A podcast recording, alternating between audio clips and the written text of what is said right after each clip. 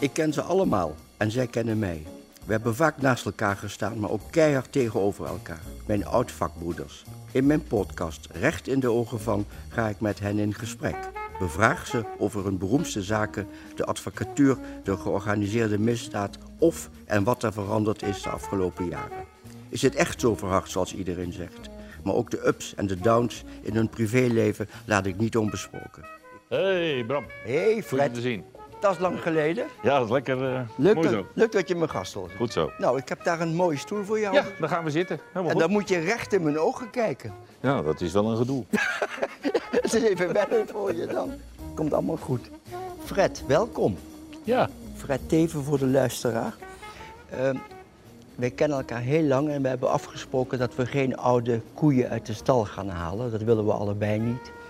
En dat maakt het ook wat, eh, denk ik, interessanter omdat we het over dingen gaan hebben die- waar wij het samen nog nooit over hebben gehad, althans zelden. Mhm. Om te beginnen, hoe gaat het zo met je? We hebben je een tijd ja niet prima. gezien. Prima, de, de wereld gaat verder. Ja, En ook iedereen- zonder Fred. Ja, en iedereen bouwt zijn bestaan weer op. En ook zonder de politiek, dus dat gaat prima. Ja. Ja, Eh, je bent opa geworden, heb ik begrepen. Ja drie jaar geleden, ja. Hoe is dat? Als, als de crime fighter, Nee, niet dat, als maakt jou, dat maakt een, een totaal ander... Nou, nee, het maakt geen ander mens van je. Maar het geeft wel een heel aparte dimensie aan je leven... om met zo'n eh, fantastische kleindochter, zoals in mijn geval... eh, gewoon leuke dingen te doen. Ga je er veel mee om? Ja, ik pas toch wel één keer in de 14 dagen wel op. En eh, doe er ook wel leuke dingen mee. Ik ben een paar keer naar artsen geweest, speeltuinen. Dus ja, leuk. Ja, het is echt leuk om te doen. Het is echt, ja, het is echt een verrijking. Ben jij milder geworden? Wilder? Milder, Milder. milder. Ja, ik ben niet wilder geworden. En ik ben wel wat milder geworden, ja. ja. Ik ben wel wat, wat rustiger ook geworden. En hoort ook een beetje bij de leeftijd. Ik ben, Ja. net, eh, Je bent, ik ben eh, iets ouder dan jij. Ik ben net 65 ja, geworden. je bent 65. Een paar weken geleden. Ja. Gefeliciteerd nog Ja, daarmee. ja. Ehm, je komt uit Haarlem oorspronkelijk. ja. Ik heb me proberen in te lezen. Ehm, in wat voor een gezin ben je opgegroeid? Ja, het was een, ar- een arbeidersgezin. Mijn moeder, eh, mijn moeder maakte, maakte schoon in, in huisjes van bejaarden. Mijn vader eh, was meubelmaker van beroep, maar de, eh, jaren bij Johan Enschede gewerkt. Ja, dat heb ik gelezen over de Chef, bankbiljet. con- chef controle bankbiljet. Nou ja, dat komt toch dichter bij de Fred die wij kennen. Ja, maar dat valt van mij. Maar, maar mijn, vader, mijn vader was altijd eh, was zijn tweede huwelijk, dus ik was ook een zoon uit het tweede huwelijk. Dus dat ja, gewoon een warm, warm nest waar ik... eh, ik ben een aantal jaren geleden nog wel eens teruggegaan naar de buurt waar ik ben opgegroeid toen Ja. ik eh, staatssecretaris was met een hele delegatie. Gewoon dus even door de buurt gewandeld met de wijkraad. En ehm, hij jouw papa dus controleerde de, de goede aflevering Nou, hij, van gaf, hij gaf leiding aan de dames, dat waren toen de tijd zo'n zo'n 50 dames die op een afdeling. Hij controleerde daar de, die controleerde de kwaliteit van de drukproef. Dus biljetjes van, van 25 en 100 en die werden dan omgedraaid, die vellen, voordat ze gesneden werden. de... Ja, ja, Dus er waren nog geen biljetten, het waren nog vellen die dan nog gesneden moesten worden. geweldig. Ehm, je had met name een hele hechte band met je vader, geloof ik. Of, Ja. of mag ik dat niet zo zeggen? Ja, zeker, zeker. Mijn moeder ook wel, prima, maar mijn vader was echt mijn maatje. Ja, En dat was iemand waar ik, eh, waar ik ook altijd wel een beetje mee besprak in het leven. En dat was zeker in mijn jonge jaren wel genoeg te bespreken. Het is nu allemaal wat saaier geworden. Ja. Maar die was die jonge Fred die vroeg advies aan zijn vader en niet aan zijn moeder, zo moet ik het zo zien? Of- Ja, meer, meer dan al. Eigenlijk mijn vader was, was mijn grote vriend en mijn moeder was een hartstikke lieve, Ja. leuke vrouw. Waar ik het goed mee kon vinden. Maar De geheimen van jou, die, die die vertrouwde gingen, naar wel? mijn, die gingen naar mijn vader. Ja, ja, maar zo gaat dat vaker Ja, wel, ja. ja. Die had zelf ook wel schijmen, dus dat past, dat past dan ook wat. Je hebt, je hebt prachtig gezegd ooit. eh, Op, mijn, eh, mijn vader was mijn beste maatje. Op een ochtend belde mijn moeder me op met de boodschap... Pa ademt niet meer. Hij was in zijn slaap overleden. Dat zal een behoorlijke indruk op je hebben gemaakt. ja, ja, ja, ook omdat de, de dag daarvoor had hij me nog leren bangen. Ja, dat En, las eh, ik. ja. en eh, dat had ik dus keurig gedaan. En eh, s s'avonds, eh, s'nachts word je dan gebeld en dan rij je naar Haarlem snel en dan, eh, dan is hij er gewoon niet meer. Dan doe je zo, Hoe oud is je vader geworden? Ja, 78, maar ik was toen nog geen 31. Ja, Dat, jong, eh, jong, jong hakte, op- hakte er gewoon. Nee, 31, ik nog geen 32. Ja. Ehm, de keuze voor jou om naar de Belastingdienst te gaan en later naar het Openbaar Ministerie. Is die op een of andere manier beïnvloed door je ouders, door je vader, door je moeder? Nee, nee niet echt. Meer, meer, meer, de Belastingdienst was eigenlijk heel simpel. maar dat heeft een, een, een middelbare schooldocent van mij nog wel iets over gezegd. Daar zat er geen diepere idee achter. Je hebt wel eens van die zoons die, die gaan hun vader achterna en zeggen ik wil datzelfde beroep doen. Nou, ik had gewoon gezegd, nou ik verdien tijdens mijn studie, kan ik een autootje kopen en nog een beetje uitgaan. En tijdens mijn studie ook een beetje werken, een beetje verdienen. Dus zo is het eigenlijk gegaan. Ik, ik werk dus ook vanaf mijn zeventiende, kreeg ik ook salaris. Het is wel uh, grappig. Uh, ik werk nu 48 jaar, dus het is langzamerhand ook wel, denk ik, niet dat het mooi geweest is, maar wel een lange tijd, 48 ja. Um, je hebt twee dochters. ik weet daar niets van en dat moet ook zo blijven als je dat niet wil, wil vertellen aan de, aan de goede gemeente. Maar zijn die in de voetsporen getreden of wat doen ze? Of je daar... nou, mijn, mijn jongste dochter die is, die is, dat is een, eh, een beta-dame. Die is eigenlijk die is in een technisch beroep terechtgekomen, woont ook en werkt ook in het buitenland. Maar mijn oudste dochter is uiteindelijk uh, bij het landelijk pakket, bij het Openbaar Ministerie terechtgekomen. Als beleidsmedewerker. Eerst wilde ze officier worden. Dat heb je er afgeraden? Uh, nou, ik heb uiteindelijk wel gezegd, daar moet je nog eens goed over denken. De, de wereld verandert wel, de, de, de hele wereld. Ja. Ook de wereld in de richting van advocaten, officieren is, is een, überhaupt harder geworden. Daar gaan we het zo over hebben. Dus de vraag is eigenlijk of je dat nou moet willen, als je zelf een jonge dochter hebt. Ja. En uiteindelijk doet ze het niet. En, uh, ze werkt nu bij, de, bij het, het ze werkt nu bij het landelijk pakket, ja. bij het Openbaar Ministerie. Leuk. Uh, je hebt eens gezegd dat je achteraf maar zo denken veel mensen, maar goed, leuk om het van jou ook te horen. Minder tijd had moeten besteden aan je werk en veel meer aan je familie. Ja, dat is een beetje terugkijken. Wanneer is dat inzicht gekomen? Nou, eigenlijk, eigenlijk heel goed uh, toen de politiek afgelopen was en ik uh, uh, begin 2017 op een gegeven moment op de telefoon. Ik denk, het wordt helemaal niet meer gebeld. En het is nou wel heel erg rustig geworden. En toen dacht ik, ja, ik heb eigenlijk al jarenlang alleen maar doorgeraast. Als officier en later als, als Kamerlid. en als, als, als, als uh, staatssecretaris en daarna weer Kamerlid. En nou is het ineens afgelopen en dan denk je, doet hij het nog wel die telefoon als je er naar zit te kijken. Ja. Dus uh, ja, nou, dat... laat ik zeggen, dat was een, een fenomeen dat je wel toejuichte dat die telefoon het niet deed? Of, of dacht je, vond je nee, vreemd? Nee, ik werd, werd, daar, werd daar buiten gewoon onrustig van. Dat ik, uh, als je toch gewend bent heel veel telefoontjes op de dag te krijgen... en dan krijgt ze ineens helemaal niet meer... dan denk je ook, niemand heb je nog nodig. Ja. Maar dan denk je ook wel eens van, goh, wat heb ik nou gemist? En het besef is eigenlijk goed gekomen toen, toen mijn kleindochter er kwam. Dat ik dacht, ja, dit was toch wel een mooie tijd toen ze twee, drie jaar oud zijn. Ja. Ze is nou bijna drie en dat is toch wel een hele leuke tijd de afgelopen anderhalf jaar. Dat ze een beetje gelopen, praten. En geniet je daar nu met volle... volle... Ja, ja, ja, dus ik heb wat ik eigenlijk uh, wel eens denk, nou, dat heb ik met die twee dochters van me wel een beetje gemist. Eigen schuld, dat, uh, dat krijg je nu een beetje, een beetje terug. Dat pak je nog een beetje terug. Dat is wel een beetje laat natuurlijk, dat is een, beetje, een beetje te laat misschien. Ik ken dat fenomeen. Um, na de politiek uh, ben je dat weet heel Nederland, omdat iedereen zich, althans ik verbaasde me daarover, ben je buschauffeur geworden. Vertel dat verhaal eens. Waarom? Hoe kom je daarbij? Had je je rijbewijs? Je ja, groot rijbewijs? Ja, ik, ik, had, ik had vanaf mijn 18e rijbewijs. En ik heb, toen ik 18, 19 was, heb ik ook op een bus ge, Je had je groot rijbewijs? Ja, mijn groot rijbewijs had ik vrij snel gehaald toen ik 18 was. Dat kreeg je toen nog op zo'n klein vrachtwagentje met een spiegeltje. En dan kon je gewoon naar achteren kijken. En dan kon je gewoon je CED-rijbewijs krijgen. dat had ik dus al heel, heel snel. Dus ik was begin 19, toen had ik dat al. En heb ik ook wel eens op vrachtwagens gereden. En op, uh, ook op de bus bij de NZA. Maar wanneer? In welke tijd? Nou, daar praat ik over uh, pff, ja, dat ik net met de opleiding voor belastingcontroleur was begonnen. Dus ik ben zo'n beetje 77, 78. Maar hoe, hoe, kom je erbij als je met die... Je, je werkt op, ja, op hoog niveau, vond ik, vind ik dan al. En dan ga je, ja, niet dat dat een, moet men niet verkeerd begrijpen dat dat geen hoog niveau is, maar heel anders. Hoe gaat een belastingman, hoe gaat hij nog op de bus nou, zitten? ik was natuurlijk geen belastingman meer, ik was een beetje politicus, ik was een beetje van alles. Officier, op een gegeven moment, als je maar lang ja. in de politiek zit, nee, nee, dan, word je, dan word je de oud-officier die, uh, eerst ben je de, oud de officier die politicus wordt, maar op een gegeven moment ben je de politicus die ooit oud-officier is geworden. Ja, maar ik bedoelde eigenlijk dat je al op de bus zat toen je werkte als... Ja, nou ja, dat vond ik gewoon leuk om, om dat te doen. Een beetje bijverdienen en de bijverdienst. Ik heb wel schoolreisjes gedaan en bejaardenoudjes in eh, 77 en 78. En eh, ik heb op een gegeven moment, want hoe ben je er nou bij gekomen? Op een gegeven moment ging die telefoon niet meer. En eh, het liep ook met mijn eigen bedrijf. In eerste instantie was de gunfactor helemaal niet zo groot. Eigenlijk helemaal niet zo. Dus dat liep niet meteen goed, dat ik daar nou inkomen uit kon genereren. Eh, Ik wilde wel van het wachtgeld af en toen dacht ik, ja, ik ga niet thuis zitten. Dus ik ben vrij snel in 2017, nadat ik een hersenoperatie had gehad, ben een paar maanden thuis geweest. En toen dacht ik, ik word gek van het thuis zitten. Toen heb ik besluit genomen om te solliciteren bij Connection en gewoon te zeggen, joh, ik wil eigenlijk even op die bus gaan rijden. Nou ja, dan word je eerst naar een uitzendbureau gestuurd, want je kan niet eens in één keer bij zo'n busbedrijf solliciteren. Toen kwam ik bij dat uitzendbureau. Ja, u kunt toch wel wat anders? Ja, ik ik kan wel wat anders, maar ik wil even niks anders. Dus ik wil gewoon even op die bus rijden. Nou ja, moet dat wel? En dan krijgt u een hoop last en iedereen gaat u herkennen. Ik zeg, ja, dat, zal allemaal wel, maar dat gaat vanzelf weer over.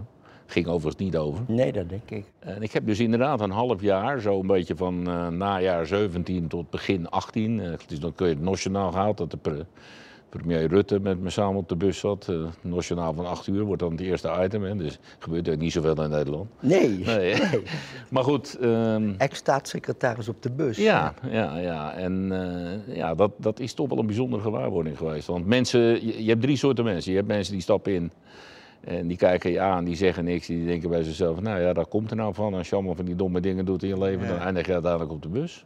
Zonde van die man, had zo'n mooie baan. En nou, Kijk, eens wat er maar van, dit is, dit is dus ook een prachtbaan. Maar, dat, kijk eens wat er van hem geworden maar je hebt is. ook mensen die, die stappen op de bus en die zeggen, mijn hele leven heb ik Partij van de Arbeid gestemd. Maar als u nu weer de politiek in gaat, eh, nog een keer te gaan doen, dan stem ik VVD. Ja. Of ik stem op u. De VVD stem ik nooit op. Maar ik. Dus het is een hele wisselende reactie. Ik, Maar- krijg, maar- ik krijg ook mensen die zeggen, nou, het was nooit wat en het wordt nooit wat. Ja. Je komt ook mensen tegen die zeggen, nou, eh, ik moest hem eigenlijk nooit zo, maar hij is eigenlijk wel een prima kerel. Ja. Ja, ja. dus het is wel heel grappig. De Het eh, gevallen officier, dat denk ik dan. Want ja, dat maar ook de gevallen politicus. Ja, Ja, precies. ja, dus, dus, eh, Maar als ik je goed versta, en dat doe ik wel, want ik ken je al een tijdje, zeg je, ik had een gunfactor nodig om Ja, maar via, dat- die, via, via dat bussen... Ja, maar het was niet de strategie. Het is nooit de, stra- de strategie. De, de, de, de idee was, ik, ik heb helemaal niks te doen. Ik heb niks om handen en ik moet even wat om handen hebben. En ik wil ook even nadenken. Dus ik had ook wel even een bepaalde periode. Ik denk, ja, wat ga ik nou doen? Ga ik Ja. terug naar het Openbaar Ministerie, wat Ja. op zich gekund had?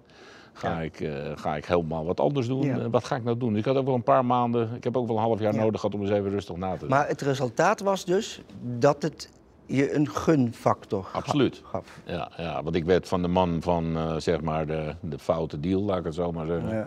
werd ik de man van de bus. En dat was wel handig. Ja. Dus ja, dat, dat was wel handig. Ja. Dat hielp ook wel. En, dat, dan, en dan komen er ook wel andere dingen gewoon weer op je, op je pad. Hè? Want dan, eh, ja, dan, dan, dan- Je, bent er, je bent daarmee gestopt. En, en- Nee, nee, nee, nee. Ik rijd nog steeds op oh, je rijdt nog steeds. Ja, ik rijd nog één of twee zondagen per maand. Ik ga aanstaande zondag eh Ik, weer. ik, ik ga toch een keer, ik ga gewoon naar die bushalte toe. moet een keer gewoon ik- ik- meegaan, Ik, eh, wil het, ja, ja. ik wil het toch meegemaakt Ja, ja, maar dit is, nee, nee, ik rijd nog steeds. Ik, ik ben altijd, ik heb het al afgebouwd. Hè, dus ik ben van vijf dagen in de week ben ik nu naar één dag in de maand. Mag ik er mee? Ik, ik, Ja, ja, ja, gaan we doen. Ja, nou, Ja. dat is hartstikke leuk. Ja. Ja, dan heb je drie ritten, dus je kan nog kiezen van heel vroeg opstaan of een beetje niet zo vroeg opstaan. Niet. Ja. En vind je het ook goed als we dan een shownieuwscamera meenemen? ja, dat is een heel ander verhaal met die bus. Maar, maar dat is allemaal gebeurd. Hè. Ik heb die, die hele fase natuurlijk, eh, Ja. de RTL naar. Nou, maar en, anyways, ik wil graag een keer, als je dat leuk vindt, dan, dan, wil ik een keer mee met die bus. Ik wil het toch meemaken. meemaken. Ja, maar ik doe nog steeds. En ik kan het tot je 71 blijven doen tegenwoordig bij Connection. nou, dus ik dan heb, nog ik even. heb nog even de tijd. Ja. Ehm, wat vind je dat eh, Rutte de politiek vaarwel heeft gezegd? Laat ik daar Dat vind ik jammer. Want ik vind, dat het, eh, ik vind Mark Rutte de beste premier die Nederland eh, de laatste 30 jaar heeft gehad. Had je, heb je het zien aankomen? Nee, to- totaal niet. Sterker nog, ik, had, ik heb zoals veel mensen naar de persconferentie zitten kijken eh, Ja. de weekend voor zijn eh, aftreden. Vond je verrassend ook? Net zo Ja, goed. en ik had ook wel, ik had het ook niet verwacht, want sterker nog, ik had ook wel in, in, inside informatie dat hij eigenlijk wel door wilde. En eigenlijk ook nog niet klaar was en nog wel een vijfde keer eh, dit kunstje wilde doen. Ja. Ja, dus ik, ik keek er wel van op. Eh, dat hij zelf besloot om het niet te doen. Maar ik begrijp achteraf, eh, als je, als je eh, na 13 jaar misschien gedwongen wordt om Ja. gedwongen te verlaten, dat je dan toch de, de- dezelfde beslissing neemt. Dus ik, dat snap ik wel. Ja. Maar het verraste me wel, want ik hoorde het op het Radio 1 nieuws van maandag, maandag toen ik die verklaring voorlas in de Kamer. En dat, dat verraste me wel. Ja, dat verraste me wel. En ik was ook wel. Ja, die man heeft 18 jaar in mijn leven gezeten. Ja, ja. Dat... En ja, dan, ik heb wel eens gezegd, ik heb twee goede bazen gehad. Dat was Hans Frakking, de oud-hoofdofficier van Amsterdam. En dat was Mark Rutte. En daartussendoor heb ik ook heel veel bazen gehad, maar heb ik nooit het idee dat ze mijn baas waren. Ja, ja. Ja, en Kunnen ze toch goed zijn, hè? Dan kunnen die bazen toch goed zijn. dan kunnen ze wel goed zijn, Ja. maar dan heb je niet het idee dat ze overwicht op je hebben. Ja, laat ik dat- het dan zomaar, ja, laat ik het dan zomaar Maar dat zeggen. heeft volgens mij nooit iemand op jou gehad. Ehm, wat vind je van de kandidatuur van eh Jesselgus? Ja, ik, ik vind dat ze het als eh, eh, verrassend goed heeft gedaan als minister. Ze, het is natuurlijk altijd, was het al een handige politica voordat ze minister van Justitie werd. Maar ze heeft, zonder dat ze nou heel veel van de inhoud wist, heeft ze dat, voor zover dat mogelijk was, zich eigen gemaakt. En voor de rest politiek heel handig natuurlijk. Zij heeft het departement, als je kijkt naar haar voorgangers en de mensen die er voor haar zaten, inclusief mijzelf, heeft zij wel rust gebracht op dat departement sinds haar komst. En dat is denk ik wel de verdienste. Nou, nou eh, is dit de minister van Justitie zonder eh, dat ze op het gebied... Ja, ze is geen jurist. Nee, er waren drie bewindslieden die alle drie geen jurist waren. Dat was eigenlijk wel verrassend. Ja, Eh, Er waren drie staatssecretaris en twee ministers die allemaal alle drie geen jurist ja waren. hoe, hoe- kijk jij daarnaar? Kijk, van, Nou, ik weet dat mensen... vanaf buiten denk ik dan, dan moet je wel goede juristen om je heen hebben. Ja, er zitten wel goede juristen op het departement, maar er zijn ook wel momenten, en dat heb ik ook wel gedacht toen ze alle drie begonnen, er zijn natuurlijk wel eh, momenten dat je als eh, minister of staatssecretaris gewoon ook eigen opvatting moet hebben als je de inhoud kent. En, eh, Maar en- dat kan samengaan met een juridische achtergrond. Ja, en daar heb je wel een beetje een juridische achtergrond voor nodig. Maar ik moet eerlijk zeggen, eh, daar heb ik wel eens over gedacht, is dat, is dat, eh, gaat dat lukken? Maar dat is heel goed gelukt. Ja, je kunt niet anders vaststellen dat ze Ja. ja, politiek zeer behendig is en ook handig is. En ook zeer, als je nou over de gunfactor hebt, als iemand in dit kabinet, afgelopen kabinet de gunfactor was, dan was het eh Dylan Jezolkus. Ja, ik zie met, ik kom daar nooit. Ja, ik heb één keer met Grapperhaus contact gehad, om een bepaalde reden. Maar je moet als niet-jurist dan toch eigenlijk over allerlei juridische problematiek een oordeel hebben. Ja, maar je wordt geadviseerd. Ja. En, en als je veel op die adviezen afgaat van die ambtenaren, Ja. dan kom je een end. En ik denk wel dat het lastig is om op sommige onderdelen eh, afwijkende standpunten te hebben als je geen jurist bent. Ja, Dus dat, je zal veel de, lijn, de ambtelijke lijn volgen. En dat wordt over het algemeen in de ambtelijke wereld wel gewaardeerd. Als je niet te veel een afwijkend standpunt hebt. Dat je tegen de adviezen van hoe ging dat met jou? nou ja, ik heb, ik heb uiteraard de vrijlating van Volkert van der G gehad, waar, maar waar ik al 10.000 keer ben geadviseerd om er nou maar mee te stoppen met die, eh, die eh, tenuitvoerlegging. Ja, en eh, ja, dan moet je soms om politieke reden daarvoor kiezen om het niet te doen. Maar dan moet je wel argumenten voor hebben. Ja.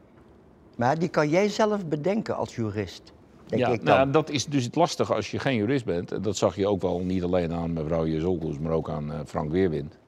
Die daar ook wel mee worstelde, natuurlijk ook in het, het onderwerp van de toezicht op de advocatuur. Dat is natuurlijk ook zo'n onderwerp waar je hem eh, toch een beetje mee zag worstelen. Ja, Ja. Waar jij ook af kan vragen of dat nou een goede oplossing is. ja. Ja. Ehm, je bent door de BBB aangesteld als verkenner. In Zuid-Holland, ja, dat was een verrassing. Ja, eh, hoe, in Zuid-Holland, hoe komen ze bij jou terecht? Het is een open Eh, vraag, ik heb daar geen mening over. Oh, dus- nou ja, dat, dat weten niet heel veel mensen. Maar ik heb een medewerker gehad op het landelijk parket die, eh, die jij misschien nog wel kent. Mijn, eh, mijn managementassistent eh, die daar werkte. En die had ik meegenomen naar de Kamer. Als eh medewerkster die toen Kamerlid was. Ja. En die zit inmiddels, eh, is zij statenlid in Zuid-Holland. Ah. En die heeft mijn naam laten vallen bij eh, zeg maar het bestuur van de BBB. Ja, ja. En toen hebben ze gezegd, nou ja, vooruit, zetten we hem aan het werk daar. en dat is wel een goede coalitie uitgekomen. Ik Ja, denk een hele evenwichtige coalitie met Hebben- zelfs GroenLinks erin. Nou, dat is, Ja, dat vond ik- dat dat- is toch even wennen. Dat vond ik aan de, aan de zijlijn vond ik dat knap dat je dat had, had bewerkstelligd. Maar- Ja, ja. ja. Ja, maar ze vonden het wel, eh, na, na twee weken met, eh, met mij vonden ze het wel mooi hoor. Hoezo? Hoe bedoel je? Nou, omdat je toch, eh, ja, ik werd nou niet gezien als de middenfiguur die nou daar een regeerakkoord moest maken met GroenLinks en de Partij van de Arbeid. Nee, maar ja. W- Wat, wat, wat vind je, eh, je bent ook politic, of ex-politicus, eh, je, je bent verkenner geweest, eh, je hebt aan die coalitievorming in Zuid-Holland gewerkt. Wat vind je van de landelijke lijsttrekker, van de BBB? Van de BBW. Ja, ik heb er een paar keer ontmoet. Ik, ja, ze heeft ook interesse in bier. Dus ik heb er als voorzitter van, voorzitter van de bierbrouwers heb ik er mogen rondleiden bij Grols. Maar- Eh, een middagje met hem mogen doorbrengen. Verklaar je nader, ze heeft interesse in bier, ze houdt ervan? Ja, ze houdt wel van een biertje, dus dat was, eh, dat, daar zat een gemeenschappelijke interesse, dus dat was mooi. Ja, het is, het is wel een, eh, het is een, een, een bijzondere dame die vanuit de journalistiek, en niet vanuit de landbouw, maar vanuit de journalistiek vrij snel naar boven is gekomen. En wel een eigen stijl heeft, laat ik het maar zeggen, die blijkbaar wel eh, mensen aanstaat. aanspreekt. Ja, ja. Ja, daar kan je, daar kan je als.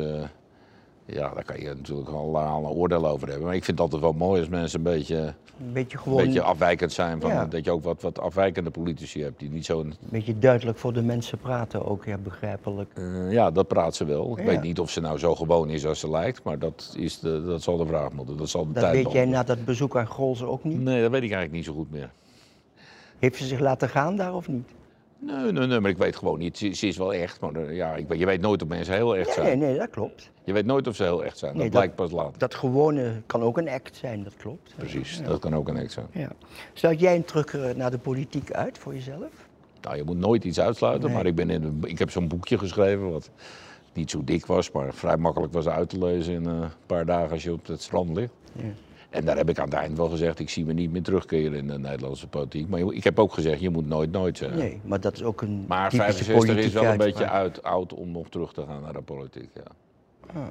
Maar, ja, voor Nederlandse begrippen misschien wel. Ehm, we kunnen stellen, denk ik, zonder dat ik overdrijf, dat er sprake is van een verharding eh, in de criminaliteit. Hè, tussen advocaten, of ik moet ik anders zeggen, eh, onderling, maar ook naar advocaten toe, naar, officieren toe, de bedreigingen. Ook naar politici, maar die wil ik even buiten houden. Ehm, hoe kijk je daar tegenaan nu? Als oud politicus, als oud eh, Nou, we zijn, wel een, we zijn wel een stapje verder gegaan in de laatste zes, zeven jaar dan, dan ooit in die 23 jaar daarvoor, als Ja, je terugkijkt. In We 30 hebben jaar. samen grote zaken gedaan Ja. en daar zaten beslist ook boeven bij en, en noem maar op. Ja. Maar wat we nu meemaken, hebben wij samen nooit meegemaakt. Nee, dat de mensen werden met, eh, geliquideerd. Er waren, wel- er waren wel wat dreiging, er was altijd wel wat dreiging, maar eh, zo heftig als, als de laatste zeven jaar denk ik dat niet is gebeurd. En, en wij hadden, als ik over onze samenwerking mag spreken, wij hadden destijds de, de grotere jongens. Voor mijn cliënt betekent dat dat hij een argument erbij heeft om de rechter ervan te overtuigen dat die deal, die overeenkomst zoals die gemaakt is, dat die in strijd is met het recht. En die hebben nogmaals gezegd dat mevrouw Dekkers niet gehoord is. En er ook geen onderzoek is naar Abbas of mevrouw Dekkers in Antwerpen ter zake van dit soort strafbare feiten. Dat was de, de grootste categorie, maar ehm, eh, nee, daar, daar zijn we echt een grens over gegaan. Zeker ook als het om, eh, om journalisten gaat die ook het slachtoffer van geworden zijn. Eh, nou, Peter de Vries, het grootste voorbeeld, maar er zijn ook andere journalisten bedreigd, advocaten bedreigd, advocaten geliquideerd. Ja, dat is echt een grens, daar zijn we een grens over gegaan. En, en dat moeten we wel terugdringen. En ik denk wat dat betreft, Want dat was mijn vraag, wat doen we? Wat moeten we nou doen? ja, ik denk wat dat betreft dat, dat de minister in de afgelopen jaren wel de, de juiste toon heeft gevonden om dat tegen te gaan. Ik denk, en ook, er zijn ook Kamerleden die meer dan vroeger eh, hun, hun nek uitsteken voor eh, hoe ga je nou om met, eh, met bepaalde gedetineerden die de samenleving bedreigen, ook nog vanuit de gevangenis. Ja. Dus daar, daar zie je wel een, Ook toevallig een VVD'er, hè, dat Kamerlid. ja, niet, niet toevallig een VVD'er zou ik willen zeggen. Ja. Maar, ehm, maar het is wel een trend die, die wel de rechtsstaat kan bedreigen. Uiteindelijk wel bedreigt, want ehm nou ja, vergisliquidaties, maar ook eh, dat, dat zijn toch de, de allervervelendste onderwerpen die je maar kan bedenken. Ja. Ehm, als je terugkijkt hè, op je, je politieke carrière en je juridische, als je dat tegen elkaar afzet, waar heb jij nog meer voldoening uit Nou, mijn werk als officier heb ik er meestal voldoening En waarom? Ik zou bijna zeggen, die, die jaren dat, eh, dat wij tegenover elkaar stonden, heb ik in ieder geval het meeste plezier uit. Vond je gezellig, hè? Nou, die, die, vond ik wel, die Ja. vond ik wel leuk. En ik vond het ook wel grappig om, eh, om eh, niet alleen grappig, maar ook wel eh, interessant om in die jaren tegenover elkaar te staan. Was ik een vond goed het- niveau. Ik vond het altijd wel een uitdaging om elkaar op je in- inhoud te bestrijden, maar dan persoonlijk toch nog, ondanks daar ook wel eens scherpe kantjes aan zaten, op een goede manier met elkaar om te gaan. Eh, als je zegt, wat, wat, waar heb ik het meeste voldoening aan beleefd? Aan de vervolging van de oorlogsmisdrijven. Ik ben daar in 2003 en 2004 twee jaar mee bezig geweest. Ja. En dan zeg ik, wat, door die hele 45 jaar, eh, 46 jaar genomen, het mooiste werk gedaan. Kun je, Die anderhalf jaar dat ik met, met eh, twee jaar dat ik met de vervolging Ja. van de oorlogsmisdaden. kun je voor de luisteraar nog even, eh, ik weet dat, maar kun je even benoemen wat je daar hebt gedaan? Want daar Nou, heb je heel belangrijk bijvoorbeeld, werk. daar, daar was een Nederlander die de grondstoffen leverde voor gifgas om, eh, om slachtoffers, eh, eh, zeg maar, eh, zenuwgas en mosterdgas te maken. Waar natuurlijk grote aantallen slachtoffers in Irak en Iran bij zijn gevallen tijdens die oorlog in de eind 80 jaren, begin 90 jaren. Dat zijn toch wel de echte mensen in de samenleving waarvan ik denk, daar moet je wel tegen optreden. En, en er zijn ook wel andere voorbeelden van Afghaanse generaals die hier een krantenwijk lopen en dan vervolgens verantwoordelijk zijn voor het martelen van mensen. En die voorbeelden zijn er nu nog steeds, hè, van, eh, van mensen die nu vanuit Syrië hier binnenkomen en toch een bedenkelijke rol spelen. Die mensen die hebben geen enkel respect voor eh, lichamelijke integriteit, voor mensenrechten. Dat, dat vond ik wel heel bijzonder. Dat brengt mij toch tot de vraag, als ik zo naar je kijk, want je, je bent niet veranderd en met alle respect, eh, je, je, je, je, eh, bent 65, maar dat, daar zouden eigenlijk toch wat tevens moeten opstaan nog. Hè? Want, want ik kan me zo voorstellen dat, kijk, ik gun jou je rust, hè, maar ik denk tegelijkertijd, wat jammer dat Fred dat niet meer doet, want als iemand dat soort eh, schurken achter de tralies kan krijgen, ben jij dat. Dat is- dat- Eh, maar er zijn ook, er zijn natuurlijk Nou. ook, ook wel jongere collega's die het wel doen. Ja, Wat maar- ik niet zo'n goede uitstraling vind, is dat het Openbaar Ministerie wel heel erg de nadruk legt op die bedreigingen, dat ze zo bedreigd worden. Je, je moet, eh, denk ik, als je aan de voorkant staat van Ja, eh, dan misdaadbestrijding. Ja. moet je af en toe ja, moet je wel meer je eigen ijzeren vuist tonen. Je kan niet alleen kan niet de kastanjes uit het vuur laten halen door advocaten en journalisten en alleen de politie. Je moet zelf ook wel naar voren als OM. Dus ik zou wel zien willen zien dat het. Niet OM wat, ja. meer naar voren gaat. En, Ja. en daar horen wel veiligheidsmaatregelen Ja, bij. dat Maar mag. hoort wel een beetje. Maar verbaal moet Maar je voorbeeld, je moet wel een voorbeeld eh, zijn. ja. En ook verbaal eh, wel een. eh, ja, ik hou niet zo van officieren waarvan de naam niet meer bekend is als ze een zaak doen en zo. Ik Ja, denk dat geeft ook een verkeerd, een verkeerd signaal, beeld van een rechtsstaat die dat- bang, bang is voor zichzelf. Ja, dat, dat ben ik met je eens, helemaal. Ehm,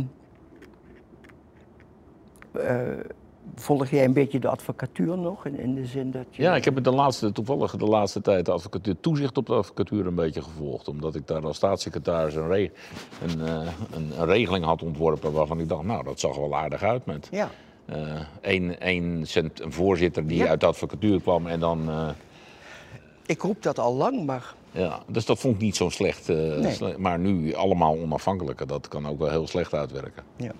Ik zal daar maar het zwijgen toe doen nu. Ehm, ehm, wat vind je van de... Nou, laat ik het anders, anders formuleren. Je hebt natuurlijk met een heleboel advocaten samengewerkt. Je hebt ze, allemaal van enige naam en ook zonder naam ehm, eh, meegemaakt en tegenover je gehad. Haal er eens twee, drie uit waarvan je zegt, nou, dat was inhoudelijk goed. En dat, Nou, ik denk, denk ehm, eh, hoeft niet, maar- eh, jij en je, en je vader, die combinatie, maar jij ook alleen. ja. Eh, toch dat compliment gewoon maken. Mensen, ik heb altijd gezegd, de beide Moskowitsen worden zwaar onderschat in het juridische wereldje. Het is niet alleen maar goed pleiten, het is ook daadwerkelijk wel de vinger op de goede, op de zere plek kunnen leggen. Jan Hein Kuipers vind, ik, vind ik echt wel, ik vind de rat af en toe. Maar ik vind hem wel een grappige rat, Ja. om het zo maar te zeggen. En eh, ja, ik heb, ik heb ook altijd wel veel waardering gehad voor Gerard Spong. Ja. Persoonlijk voelen wij ons niet zo goed erg tot elkaar aangetrokken, maar ik heb wel waardering voor zijn juridische kwaliteiten, laat ik Ja. het dan zo maar zeggen. En ehm, ik wil er nog een naam uithalen waarvan ik dacht, ik weet niet helemaal hoe je daarover denkt, maar dat gaan we nu vragen. Piet Doedens, die ons ontvallen is, die, die heb ik natuurlijk vaak meegemaakt als collega. En jij, Ja, nou, Piet, Piet Doeters vond ik met name een hele goede pleiter. Eh, maar die vond ik juridisch dan weer wat minder. Ja, ja. Ehm, valt je iemand op in de jonge garde, positief of negatief? Ja, misschien sta ik er iets te ver vanaf Ja. eh, op, op, op dit moment, de hele jonge garde. Ja. Eh, de- ja, er, er zijn wel. eh, er zijn wel de- Maar dat is niemand die... die er zijn wel talenten, maar ik vind niet dat er nu iemand uit, bovenuit steekt zoals 25, 20, 25 Ja. jaar geleden. Ja. Dat is echt wel anders. Ehm, de kwestie Wesky. Heb je het zien aankomen? Nou, ik heb wel zien aankomen dat het op een gegeven moment afgelopen zou zijn voor haar. eh, of ze nou zelf die beslissing genomen heeft, of dat ze gedwongen is die beslissing te nemen door de omstandigheden. Of dat ze in overleg met anderen de- die beslissing heeft Nou, je genomen. bedoelt eh, dat ze, zich heeft laten uitschrijven, bedoel je nu? Ja, Ja, maar daar ja. doe ik niet op.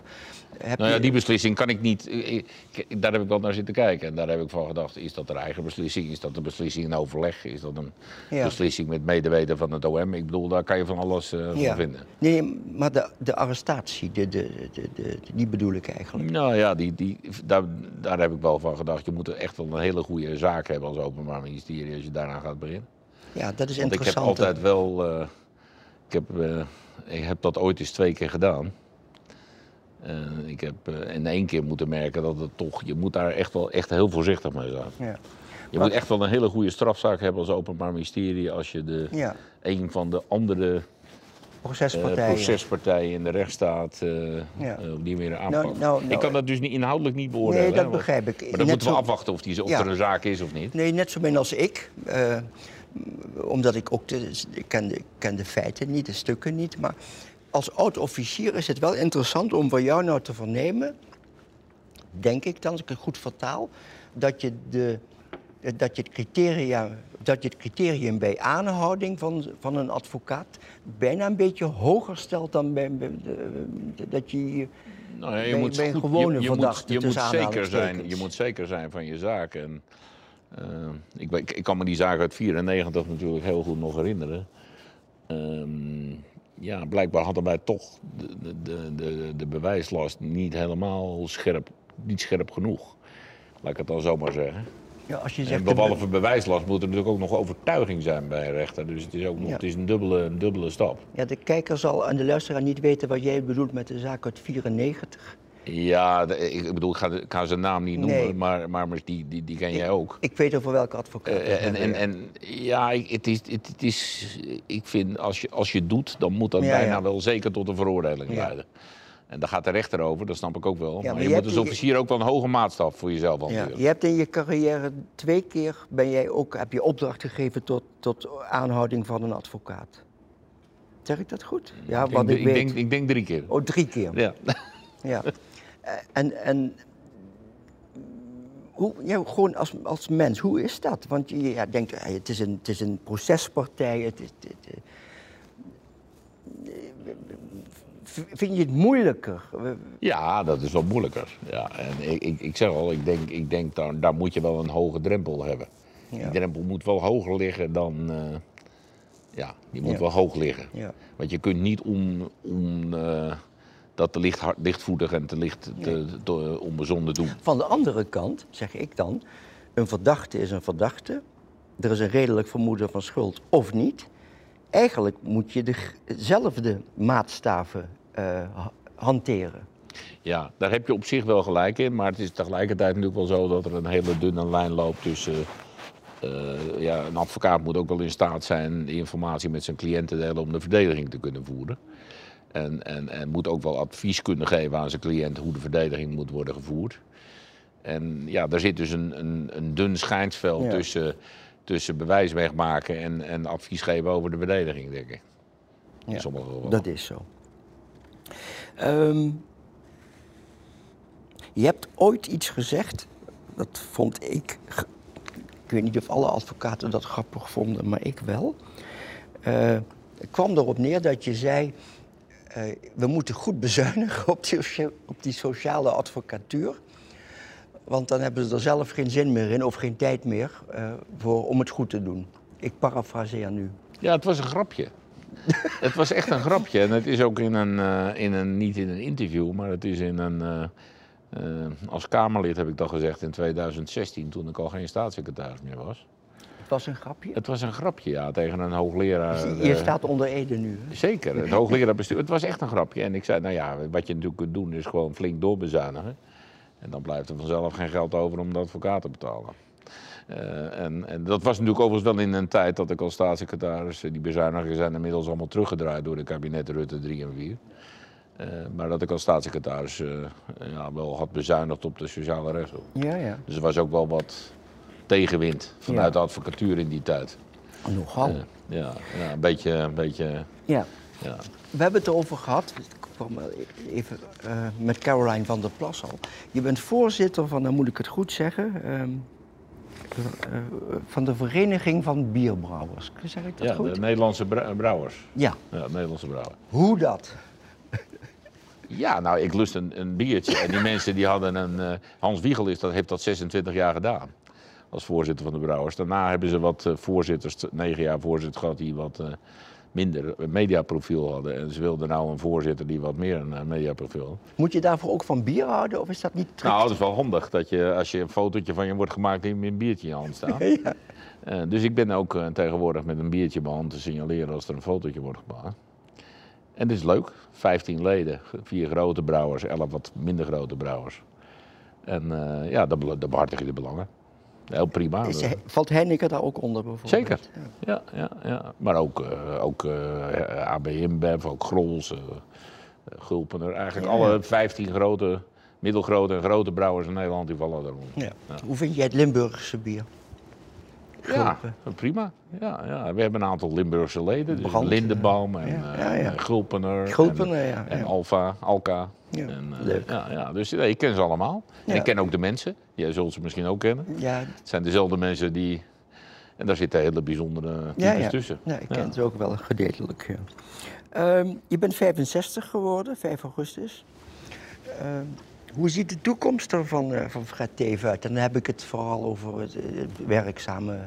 Nou, ik, ik heb de verwachting om nog zo'n zo'n 2,5 jaar eh, aan het werk te zijn. Begin 68. En dan, dan was het idee om daar dan eens een beetje rustig aan te gaan doen. Ja. En dan zal ik een aantal van die vertegenwoordigende functies nog wel doen. ja. Maar niet meer eh, in het lobbycircuit eh, actief Ja. zijn. Als ik het zo oneerbiedig mag zeggen, je verdient nu je geld met consultant. eh, Ja, consultant op het terrein van, van eh, ik, ben, ik ben lobbyist, maar ook op het terrein van strategische communicatie en, en, eh, en, en eh, boardroom consulting, Moet je even voor de luisteraar uitleggen, want ik snap Nou, het ook lobbyen, dat kan iedereen Ja, bedenken. lobbyen dat, dat, ik. dat, weet, dat weet iedereen. Maar strategische communicatie is een beetje op de achtergrond zeggen hoe tegen, tegen bedrijven, hoe ga je nou met, eh, hoe ga je nou met het departement om? Wanneer vraag je wat? Op welk moment? Wanneer is een goed moment om iets te vragen? Wanneer moet je niks vragen? Daar, daar komt die politieke achtergrond natuurlijk goed bij kijken. Ja, maar ook als officier wel, want dan moet je ook nog wel eens een, een deeltje kunnen sluiten. Dus dat is ook nog wel daar zouden we het niet over hebben, over die Nee, begin je er zelf over. Eh, nou, leuk. Ehm, je Dus- bent even op televisie geweest, nog althans even. Ik bedoel daar Ja, eigenlijk... bij half acht. Ja, bij half acht. Wat is daar gebeurd? Hoe vond je dat? Ja, dat was wel leuk, want dat, dat ging eigenlijk nergens over. Je praat overal over mee. En maar tegelijkertijd over niks. Maar ook, Ja. ook wel weer over alles. Ja.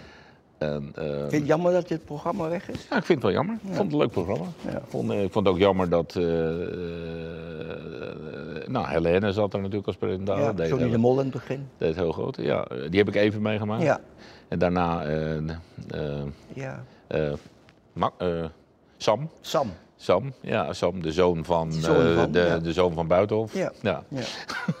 En, eh, Maar dit, dit heb je met plezier gedaan, neem ik aan. ja, hè? vond ik wel leuk. Alleen mensen vroegen zich wel af, eh, ja, wat heb je daar nou te zoeken over niks praten? Ik zei, nou, het is ook wel eens leuk om een half uur of veertig minuten over niet zoveel Je hebt inhoud. jarenlang over inhoudelijk juridische zaken. Maar ik heb ook wel eens iemand gehad die eh, daar aan tafel zat. en Die zei, Mark Rutte is een lul. Ik zei, dus ik vroeg op een gegeven moment aan die man, ik zeg, ken je hem dan? Nee, ik ken hem niet. Ik zei, nou, volgens mij moet je dan gewoon je mond houden. Ja, heb ik toevallig dat gezien. zwets een beetje uit je, uit je nek. Ja, als je over iemand praat, is een lul, terwijl je hem nog nooit in zijn leven hebt ontmoet. Ja. Dan denk ik, ja, dat is wel heel, heel veel beeldvorming. Ja, ik, ik heb dat gezien. Nou, Vond ik echt bezopen hoor. Dat, eh, Ja, maar beeldvorming, dat kan ik je uit eigen ervaring zeggen, is verschrikkelijk soms. Hè? Ja, beeldvorming, ja. ja, ja, ja. Beeldvorming kan van een wat schimmige dealmaker naar de eh, leuke, aardige buschauffeur gaan. Ja. En dat is allemaal beeld. Ja. Dat het nog het een, nog het ander is waar. Ja. Maar beeld bestaat wel, en daar heb je wel mee te dealen. Ja. Ik wil beëindigen, eh, Fred, met een citaat van jou. Als jij over 15, 20 jaar op teletext leest dat ik overleden ben, dan wordt waarschijnlijk de tevendeal en de bus nog genoemd en verder niets. Maar eerlijk gezegd interesseert me dat allemaal geen lor.